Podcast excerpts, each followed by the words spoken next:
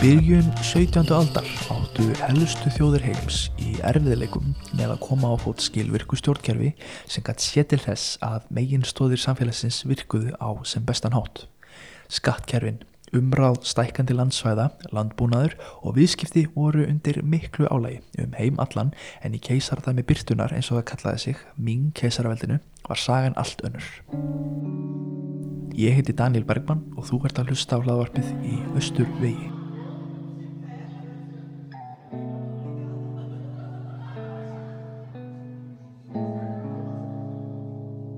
Aldakomil hefð embætsmanna hefði fest rætur í Kína sem gerði það að verkum að reglur hérastjórna, lagerð þeirra og skattkerfi var eitt það best skipulaðasta í heiminum. Höfuðborg veldisins var staðsett fyrst í Nangkingborg en var svo farið til Peking þegar að jónglega keisari tók við völdum. En þar satt keisarin með hyrð sína og stýrði ríkisinu. Ríkinu var stjórnað af nokkurum ráðunitum sem sáu um sín málefni og snýrust þau um fjársýslu helgi aðtapnir, lagerð og hernað og hag almennings í landinu. Í Peking mátti einnig finna hátt mentaða embætsmenn í konfúsjaniskum fræðum en þeir gengdu því hlutverki að veita keisarnum ráðgjöf þegar það kom að helgi aðtunum hans. Þeir sá líka um að menta þá krakka sem að fættust inn í keisarafjölskylduna og skrifa neður sögu keisaraveldsins því jú eins og okkar menn í sprengjuhöllinni syngja í lagi sínu að þá skapa óskrifaði bardagar engin völd. Keisarahöllin í Peking var umsöga mikil staður á þessu tíma en forbóna borgin sem við getum heimsóttn á ferðalagi okkar í Peking í dag var einmitt reist á tímu Ming. Keisarahöll Mongóla sem að réðu yfir í Jönn keisarahöllinu stór þar sem forbóna borgin likur nú en þegar jónglega keisarir tók við völdum og flutti sitt fólk norður leta hann rífa niður bygginguna sem var þar áður og breyta henni í hól sem finna má norðan við höllina í dag. Á þeim hól sem kallast Jingshan hólinn framdi síðasti keisari Ming keisarveldsins sjálfsmorð þegar að mannsjúrimenn réðust loks á borgina árið 1644.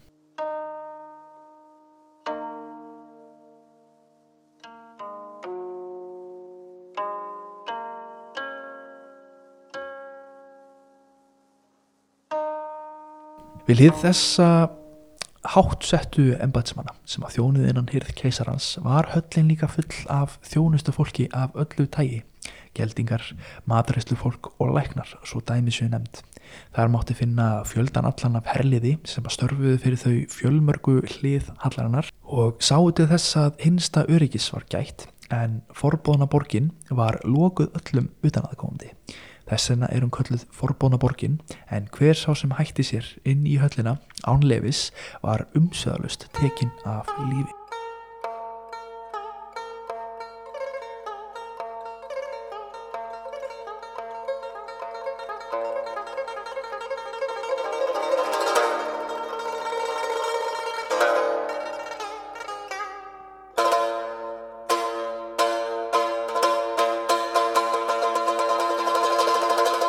Héruð Ming keisarveldsins voru 15 talsins og var bjúrokrasía hérðana skipulögð á stigmagnandi hát.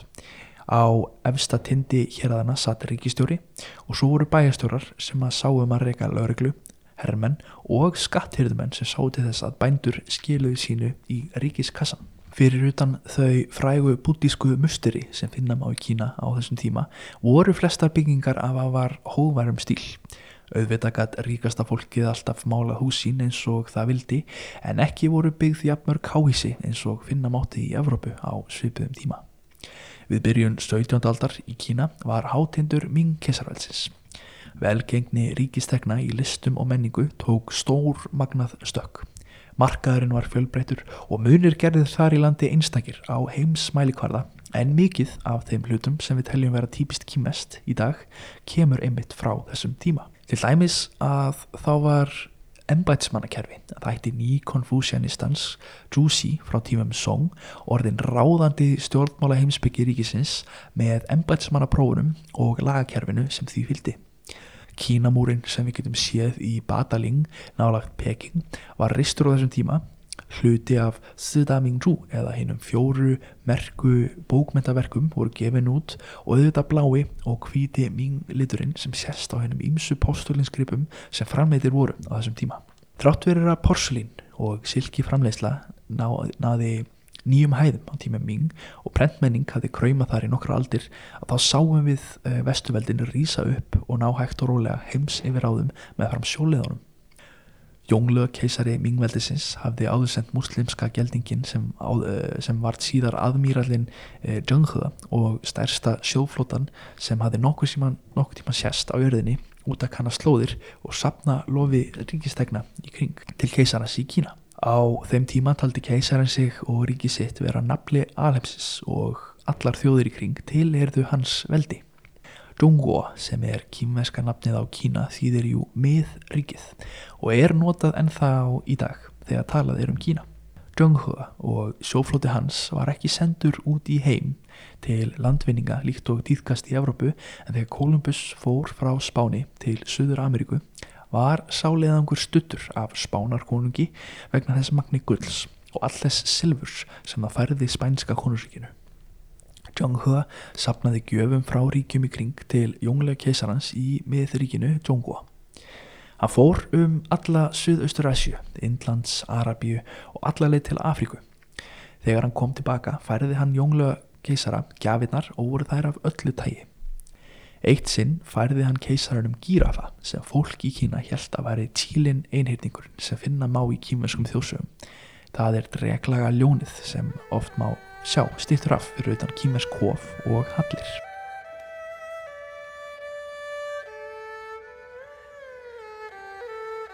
Zhonghua er sagður hafa farið til Mekka á ferðum sínum sem er e, heilagasta borg muslima um heimallan. Muhammed spámaður fættist í þessari borg og því ferðaðist miljónir pílagrima til hennar á ári hverju.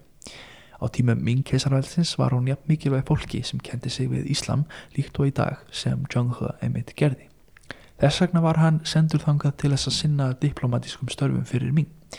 Þetta var bæði persónlegu sigur fyrir hann sjálfan og Ming vegna þessa, því vegna þessa ferða örðu samskipti á milli Kína og miðausturlanda sterkari. Kostnaður liðangrana var mjög mikill og þær viðskiptalegir sem það færði ríkinu í Suðustur Asjú og Afríku gáfu ekki af sér mikinn hagnað. Samt var tengingu á milli ríkjana komið á fót og samskipti þeirra á milli blómstruði í kjarnum liðangra þeirra.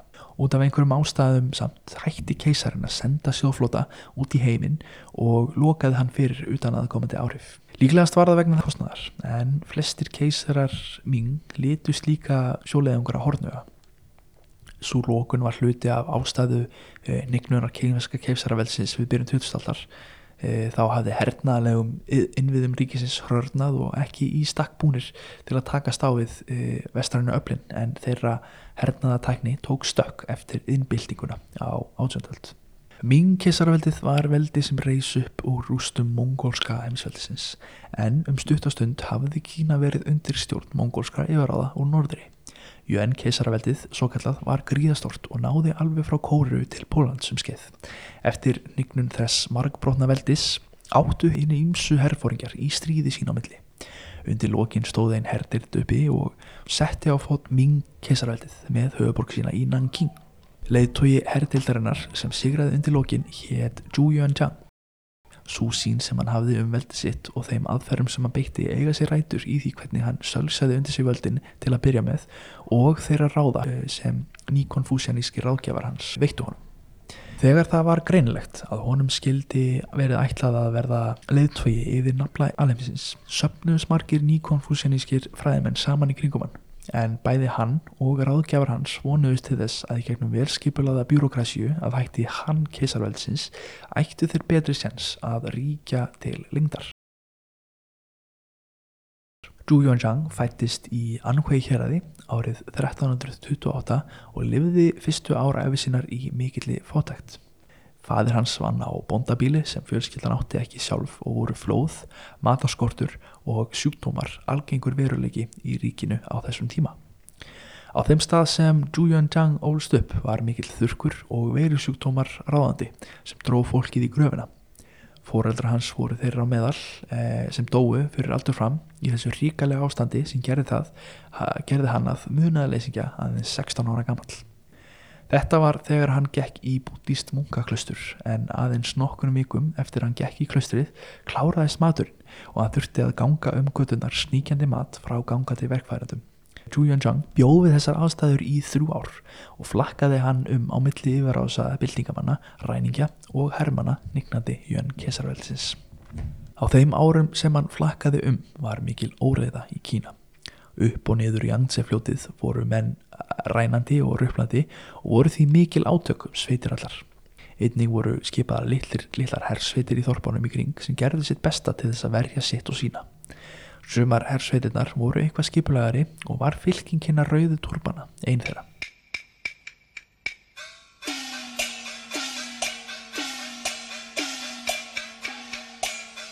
Rauðu turbarannir voru samblanda af dáískum og bútískum trúahópum sem trúðu því sameigilega að matreina búta eða búta framtíðarinnar á íslensku skildi endurholgast sem prins ljósins á jörðinni og sigra illa anda sem að réðu yfir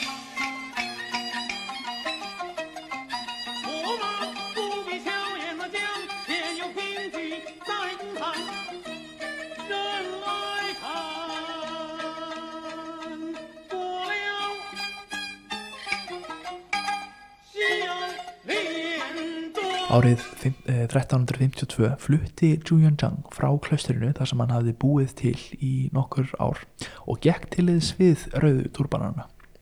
Á þeim tíma gæti hann hvorki lesið sér til gags nýja skrifað en þráttur það var þetta upphafið á hans mikilfenglu stríðsögu þar sem hann endaði á toppi samfélagsins sem keisari alls þess sem var Tien Xia eða undir himninum á íslensku.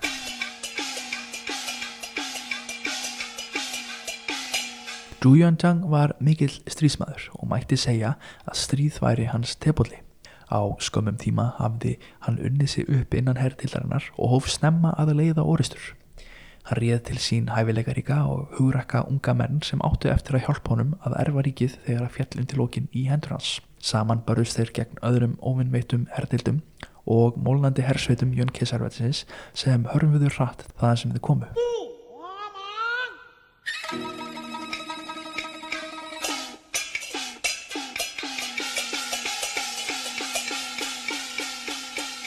Snögglega náði Zhu Yuanzhang og hersveitir hans valdi yfir svæðinu í kringu Jansefljótið og árið 1364 hafði hann tekið stjórn yfir öllu fljótinu og fyrir miðju Kína en fjórum áru síðar kringd hann sig svo sem Hongwu keisarin, keisari Ming keisarvelsins með höfuborg sína í Nanking borg.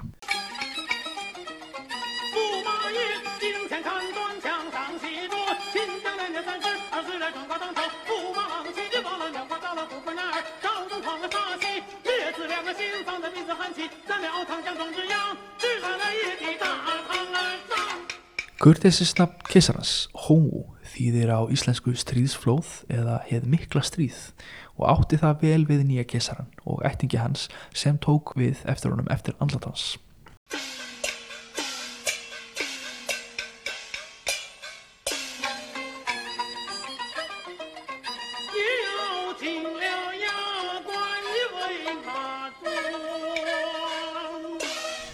Eftir að ríkið var sett á stopn reið her hans áfram norður þar sem þið heldu áfram blóðugri her- herferð gegn stríðsveitum í norðri og öðrum byltingamönnum og herliði Mongola.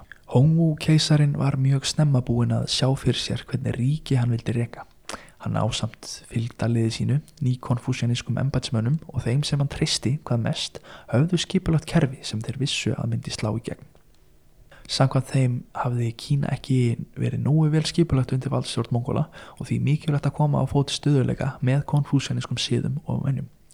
Margir embatsmenn neituð að starfa undir ríkistótt Mongola en sáu tækifæri með kraftmiklum og valdamiklum Hongwu keisara í hásætti dreikas. Hongwu fór eftir fyrirmælum þeirra sérfræðinga sem störfuðu fyrir hann en hann var síður en svo strengjabróða sem gengdi þeim í einu öllu. Því þrátt fyrir að hafa litla formlega mentun að baki, hafa var hann mjög gáfaður, ákveðin og einstaklega miskunnarlus liðtói.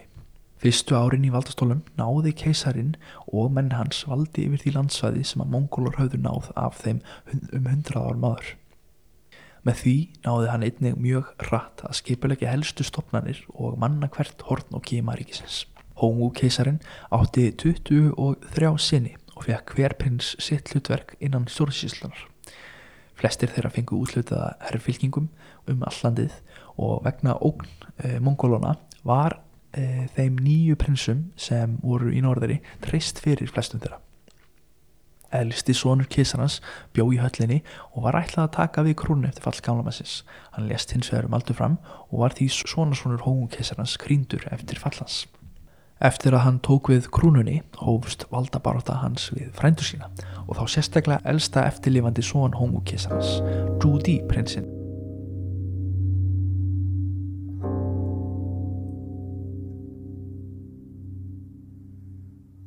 Júdi prinsinn réði yfir einum stærsta her keisarans á þessum tíma stóð fylking hans akkurat í gömlu höfðborgu Jönn keisarveldsins í Kanbalik eh, sem betur er þekkt sem eh, Peking í dag Genwen keisarin hefði kannski verið mýkari keisari en afi hans því samkvæmt heimöldum þess tíma ætlaði hann sér að endur skipilega kerfið og nútíma á eða Áður en hann gætt lagt í þar breytingar þurfti hann fyrst að ná stjórn yfir hersveitum frænda sinna en sumið þeirra töldu sig flestir vera réttmætir erfingjar krúnar. Júdi var samt valdamestur þeirra bræðra og hóf Genven að ráðast gegn aflminni bræðrunum til að veikja stuðu hans og stuðning. Þegar það loks koma því að herrfylking keisarans réði norður frá Nanking gegn Júdi endaði það með Sigri Júdi. Til þess að styrkja stöðu sína innan hýrðarinnar dreifði hann áráðuri og sagði að Genvin keisarin hafiði verið undir miklum áhrifum spiltra og íllara embatsmanna og þess vegna var það hans skilda að taka við krúnunni sem elsti lifandi erfingi Hongu keisarans. Júdi og herr hans réðst á höfðborg ríkisins í Nanking og kviknaði eldur í höllinni á meðan umsátunum stóð. Samkvæmt skýslum þess tíma lest Genven keisarin og fylgdalið hans í þessar árás en aftur á móti fundust lík þeirra aldrei. Júdi náði sínu fram og krýndi sér sem Jónglög keisarin en nafn hans þýðir eilíf hamingja á íslensku. Þegar Jónglög keisarin tók við reyndi hann eftir bestu getu að eigða öllum sakfræðilegum heimildum um krýningu og tíma Genven sem keisari út af því að lík hans fannst aldrei eftir umsátrið í Nanking ótaðist junglega fram til döðadags að Genvin keisari myndi byrtast einn daginn og taka völdin á honum en það átti sér aldrei stað. Jónglega keisari réði ríkisunni í 22 ár og á þeim tíma náði Ming að blómstra. Á þessum tíma voru miklar fjárfestingar settar í að stækka ríkið og styrkja innviði þess til muna. Mikil vinna fór í byggingar bæði á landamærum ríkisins og í borgum þess. Mikil gróska var í bókmentum og fræðarsamfélag fengu að blómstra mikið til snild. Jónglegu keisarin á að þakka fyrir Kínamúrin sem við þekkjum í dag og forbóðinu borgina í Peking en eftir að hann tóku völdum flutti hann höfuborgin norður til Peking þar sem hún hefur verið síðan þó með nokkru e, á 2000-öldinni þegar hún var færið aftur til Nanking og síðar til Chongqing á tímum setni heimstyraldarar. Jónglegu keisarin var mjög metnaðafullur keisari því ætlaði hann sér að feta í fótspór föðsins og ná glæstum hæðum. Keisarar sem að réðu yfir mingveldinu voru um valdamiklir einstaklingar. Það var engin fossettis ráðherra þar sem að Hongu keisari sáti þess að sústaða var, var þurkuð út úr kerfinu. Þess vegna hafði hver keisari mikil ítök þegar koma stefnum og strömmum kerfisins. Ráðuneytin þurftu öll að hlusta á skoðun keisarans og hlýða honum í einu og öllu. Ef keisarar Ming hefðu verið hæfileikaríkari, þólinnmóðari og blíðari stjórnendur hefði þetta kannski virkað en því miður var svo ekki. Keisarar Ming sem að koma á eftir Jónglöð voru allir frekar klunnalegir og óhæfir stjórnendur. Sumir þeirra tóku við krúnunni sem börn og gáttu því einfallega ekki sint starfi keisarans. Aðri keisarar voru drikkveldir matafíklar sem að vildu frekar fara í veiðirferðir frekar en að sinna störfum stjórnsíslunar. Margir þeirra voru uppteknir af dáísku hugmyndinni um ódöðleika og var eitt e, óþarflega miklum tíma í að finna töfra seiði sem hjálpaði þeim að afreika eitthvað sem einungis var mögulegt í þjóðsögum.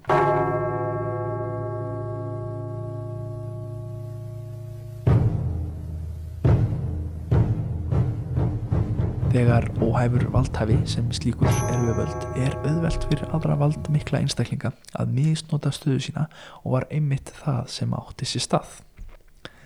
Þeir einstaklingar voru hvað valdmestir við hlið keisarans og voru kallaðir geldingar. Geldingar voru nokkur skonar þrælar sem forniðu getnaliðum til þess að fá að starfa innan yrðarnar. Þeir sendu hinnum ímsu þjónustustörfum og voru nokkur skonar eigu ákveðna einstaklinga inn í, í konungshöllinni. Admírallin Junghe var til dæmis geldingaþræll í eigu junglega keisarans. Í byrjun hefur hann sint lítilfæðilum störfum fyrir hann þegar hann var prins en sannaði þessu svo hægt og rólega með tímanum og var því ráðin í mikilvægri stöður setna. Geldingar eiga sér langa sögu í Kína og á tímum Ming höfðu þeir hvað mest áhrif innan hyrðarinnar. Konfúsjanískir fræðimenn eiga svipaða langa sögu og gengdu mikilvægum störfum innan hyrðarna líka. Hæfustu fræðimennir innan opinberu hugveðunar Hanlin Yuan, mentastofnurinnar, voru ráðir til þess að sísla með þann fjölda allan af pappisunu sem þurfti að sinna og, og sjá til þess að taka e, ákvarðanir fyrir hönd keisarans þegar hann var ekki nógu hæfur til þess sjálfur.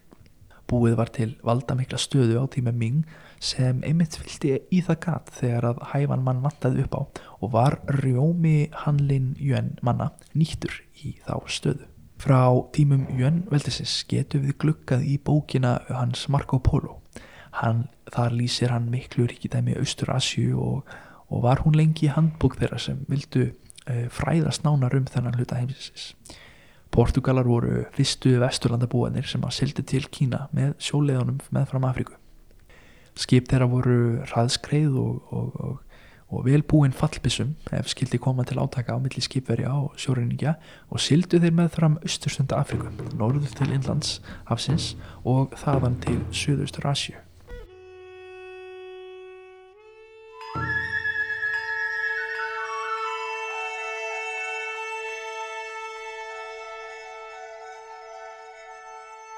Þegar Portugalir komu fyrst til Kína mætti þeim sjóflóti Ming-keisarveldsins og bældi niður árásið þeirra þegar þeir reyndu að komast inn í landið með valdi og sprengingum.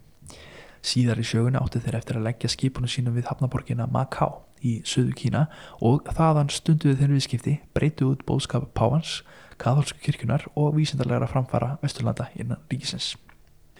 Á 16. öld voru settar miklar hamlanir á erlenda viðskiptaleðingra í Kína. Kínverskir köpmenn máttu ekki vestla við önnur ríki og önnur ríki máttu ekki koma til Kína með það markmið að stunda viðskipti. Kaupmenn í Kína og löndunum í kring hófu því að stunda viðskipti á ólöglegan hátt sem var hvati til mikill að spillingar meðal empatsmanna í ríkinu. Mikið var um sjóræringja sem var sildu á milli hafnaborga rænandi og röplandi, margir mistu lífið í hverju árós og mikil skemdaverk voru gerð í hverju þorpi. Portugalir nýttu sér þessar aðstæður fyrst til þess að stunda viðskipti á ólöglegan hátt sem leiti til þess að þeir komi sér vel fyrir í Macau með aðstóð embatsmanna á því svæði. Aðrar Evrópuþjóðir komu síðar til Kína og stunduð þar viðskipti við hlið þeirra portugalsku en á þeim tíma var í raun engin eh, framleiðsla í Evrópu sem þeir gáttu nýtt sér til viðskipta í Kína. Evrópubúar voru mjög spenntir fyrir silkinu, postulínunu og teinu en gáttu í raun ekki fært kýmverum neitt almennilegt á móti. Það eina sem þeir buðu í staðin var silfur, bissur og jesuítar. Silfur var samt það eina sem að kýmverar höfðu mikinn áhuga á í skiptum við kýmverskumörnuna og svo náttúrulega hugveitið sem fylgdi jesuítónum. Sumi sakfræðingar benda á að eitt þriði af öllu því silfri sem framleitt var í heiminum á 16. og 17. öld endaði í Kína með einum eða öðrum hætti og flætti þangað í gegnum vestluna leðangrana með fram strandleikjunu í östu Kína. Þó svo að kýmverjar hafi lokað sig af frá umheiminum þá hefur alltaf verið kræmandi flóra kaupmana við hafnaborginnar í Kína. Skattur frá þeim viðskiptum hafa kannski ekki alltaf skilað sér í ríkiskassan en það er fráleitt að viðskipti hafi hægt að öllu leiti.